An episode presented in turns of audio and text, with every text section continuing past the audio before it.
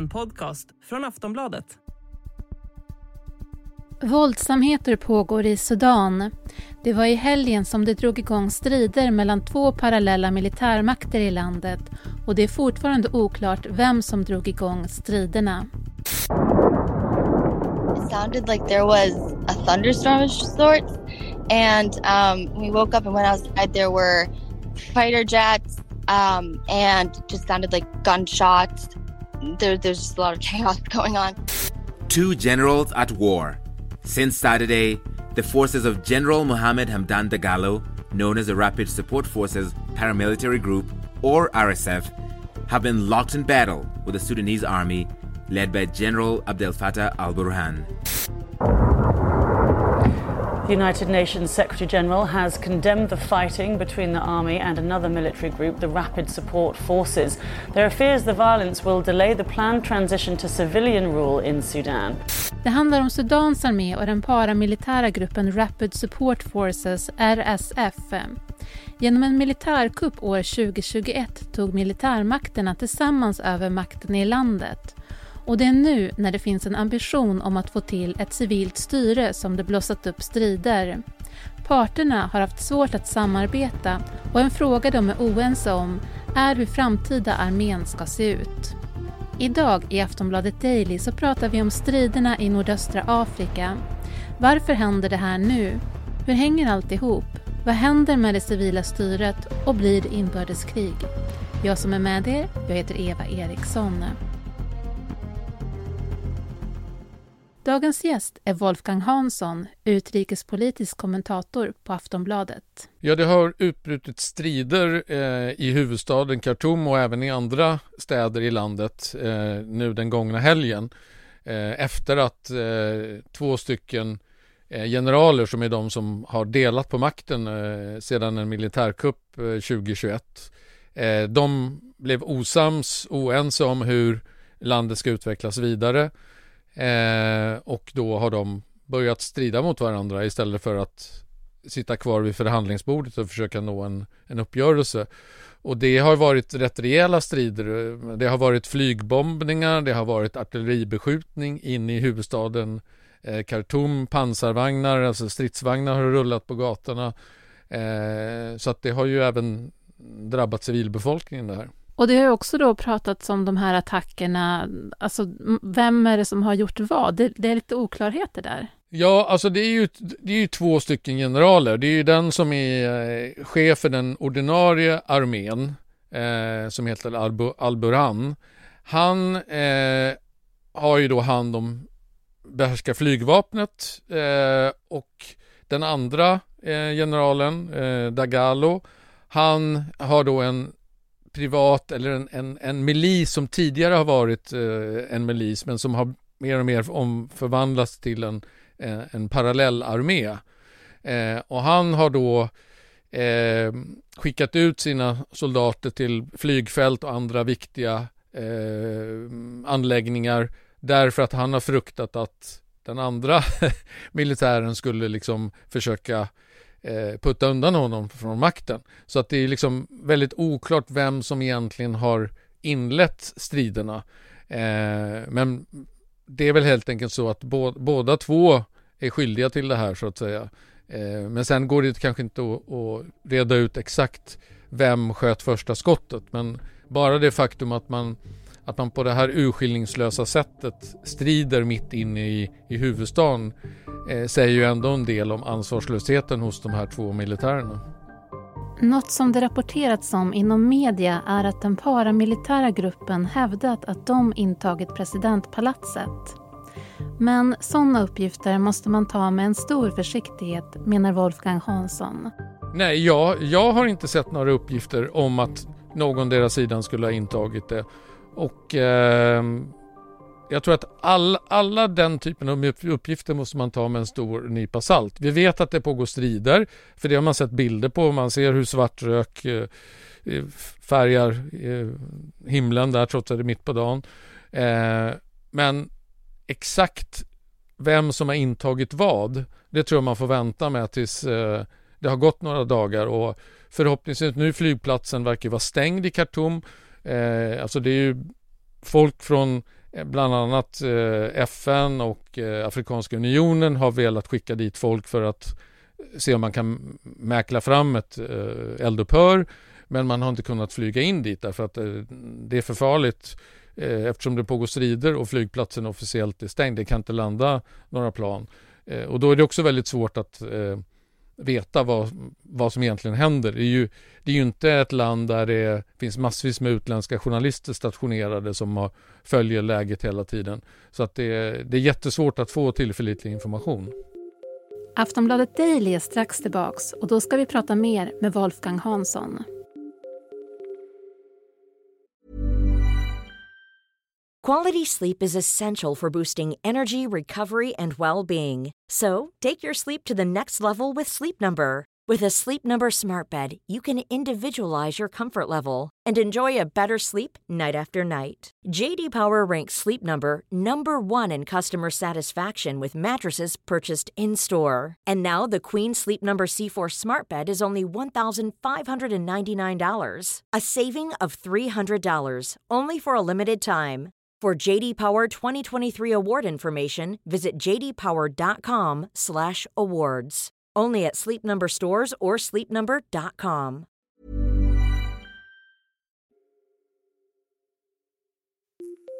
Vi måste ändå nästan prata lite grann kring varför händer det här nu? Ja, alltså Sudan är ju ett land, ett väldigt fattigt land som har styrts av mil olika militärregimer nästan ända sedan det blev självständigt och det var 1956. Eh, och det har varit extremt korta perioder med civilt styre och annars är det militärer som har styrt. Och eh, fram till för några år sedan så var det Omar al-Bashir som styrde och han styrde då i, i 30 år i Sudan. Och jag menar, under den här perioden så var ju landet inbegripet i ett antal olika inbördeskrig. Dels så var det i södra Sudan eh, som ju sen till slut knoppades av och blev en självständig nation, Sydsudan. Och sen var det i västra Sudan, i Darfur, där det var bråk mellan de arabiska klanerna och den afrikanska befolkningen om, om vattenresurser och markresurser och så vidare. Eh, och det kriget där ledde till att eh, Omar Bashir blev åtalad vid internationella brottmålsdomstolen i Haag för folkmord medan han fortfarande var eh, president. Men eftersom Sudan vägrade utlämna honom och har gjort så hela tiden så har det inte blivit någonting av det. Så vi talar alltså om ett väldigt dysfunktionellt land som dessutom är väldigt stort. Det är fyra gånger Sveriges storlek. Eh, och väldigt mycket öken och, och eh, eh, landsbygd så att säga som är mer eller mindre befolkad. Eh, så att eh, det här är liksom ett typexempel på hur det ofta ser ut i länder av den här typen i Afrika där det är liksom man skulle vara i stort behov av utländska investeringar, få igång ekonomin på ett vanligt sätt men det får man inte därför att eftersom det är politisk instabilitet och oro så finns det ingen som vill investera sina pengar där för man är inte säker på att man eh, kommer att kunna driva sin verksamhet på ett eh, normalt sätt. Eh, och det har gjort att eh, landet har liksom inte utvecklats överhuvudtaget på många år. Jag var själv i Sydsudan, alltså det som idag är Sydsudan, eh, under 90-talet.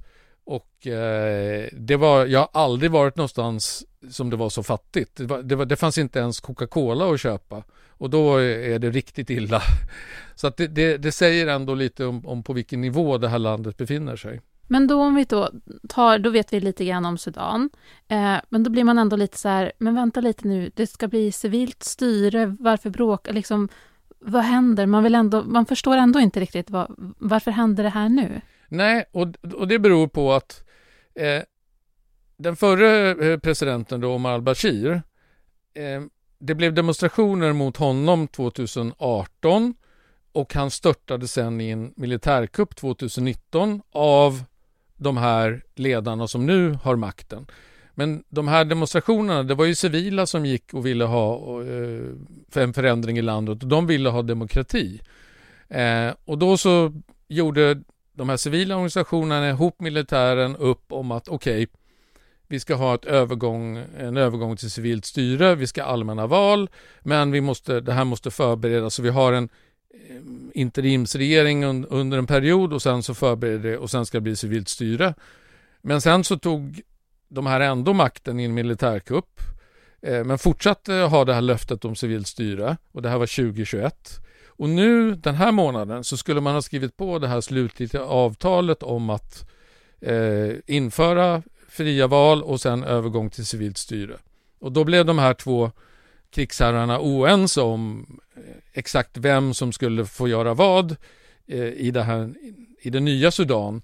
Och bland annat var det bråk om hur armén skulle se ut och då ville den här Dagalo som är chef för den här milisen som har blivit en, en egen armé inom armén så att säga. Han ville integrera sina trupper med den ordinarie armén men ville själv vara med och bestämma över dem och det gillade inte eh, Al-Buran som då menade på att det var han som skulle var den som styrde armén eh, själv exklusivt och inte och, och, då blev det bråk och sen eh, så lyckas de inte komma överens och då har vi fått det här läget där de har börjat strida mot varandra eftersom de under ganska lång tid nu har byggt upp sina militära styrkor, skaffat vapen och eh, har kapaciteten så att säga att strida mot varandra på det här sättet. Och då undrar man ju, det här kan ju gå snabbt. När eh, de som lyssnar på det här hör det här, då kan det ha hänt grejer.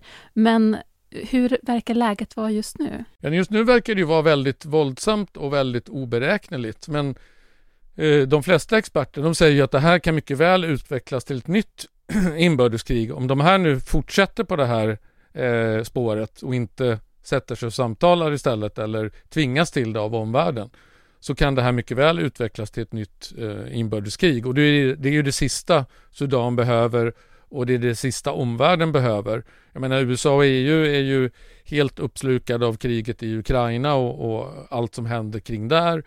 Ehm, och nu har ju USA varit väldigt snabba med att gå ut och säga att eh, eh Antony Blinken, utrikesministern, sa att eh, nu måste ni, det måste bli ett slut på det här, lägg ner vapnen, sätt er och samtala igen. Och till och med FNs säkerhetsråd har, har sammanträtt och eh, lyckats få till ett uttalande där man uppmanade parterna att eh, eh lägga ner vapnen och eldupphör samt, och för att sätta igång samtal istället. Och, och det har ju varit ovanligt nu för nu har ju FNs säkerhetsråd har ju inte funkat sedan Ryssland invaderade eh, Ukraina eftersom ryssarna sitter i säkerhetsrådet och de har en helt annan uppfattning om det mesta. Men i just det här fallet så verkar alla stormakterna vara ensamma om att eh, det gynnar ingen om det här utvecklas till ett inbördeskrig. Och för att sammanfatta lite grann då, eh, vad är det för skada som har skett hittills? Alltså vilka attacker eh, är det som har skett? Ja, alltså det är svårt att uppskatta skadorna än så länge, men det är ju, man har ju attackerat med både artilleri och, och flyg eh, och från luften.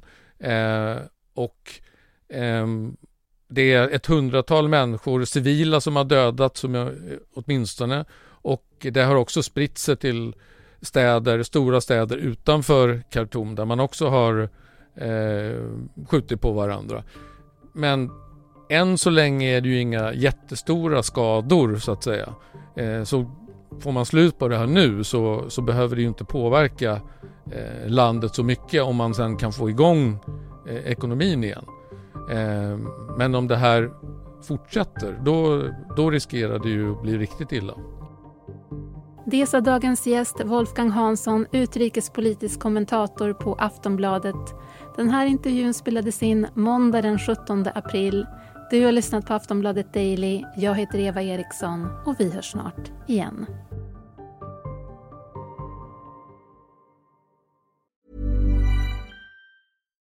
Millions of people have lost weight with personalized plans from Noom.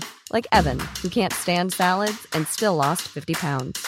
Salads, generally, for most people, are the easy button, right? For me, that wasn't an option. I never really was a salad guy. That's just not who I am. But Noom worked for me. Get your personalized plan today at Noom.com. Real Noom user compensated to provide their story. In four weeks, the typical Noom user can expect to lose one to two pounds per week. Individual results may vary.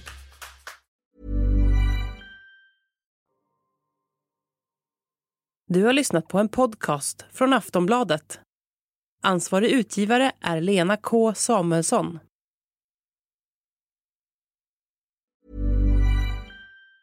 Tired of ads barging into your favorite news podcasts?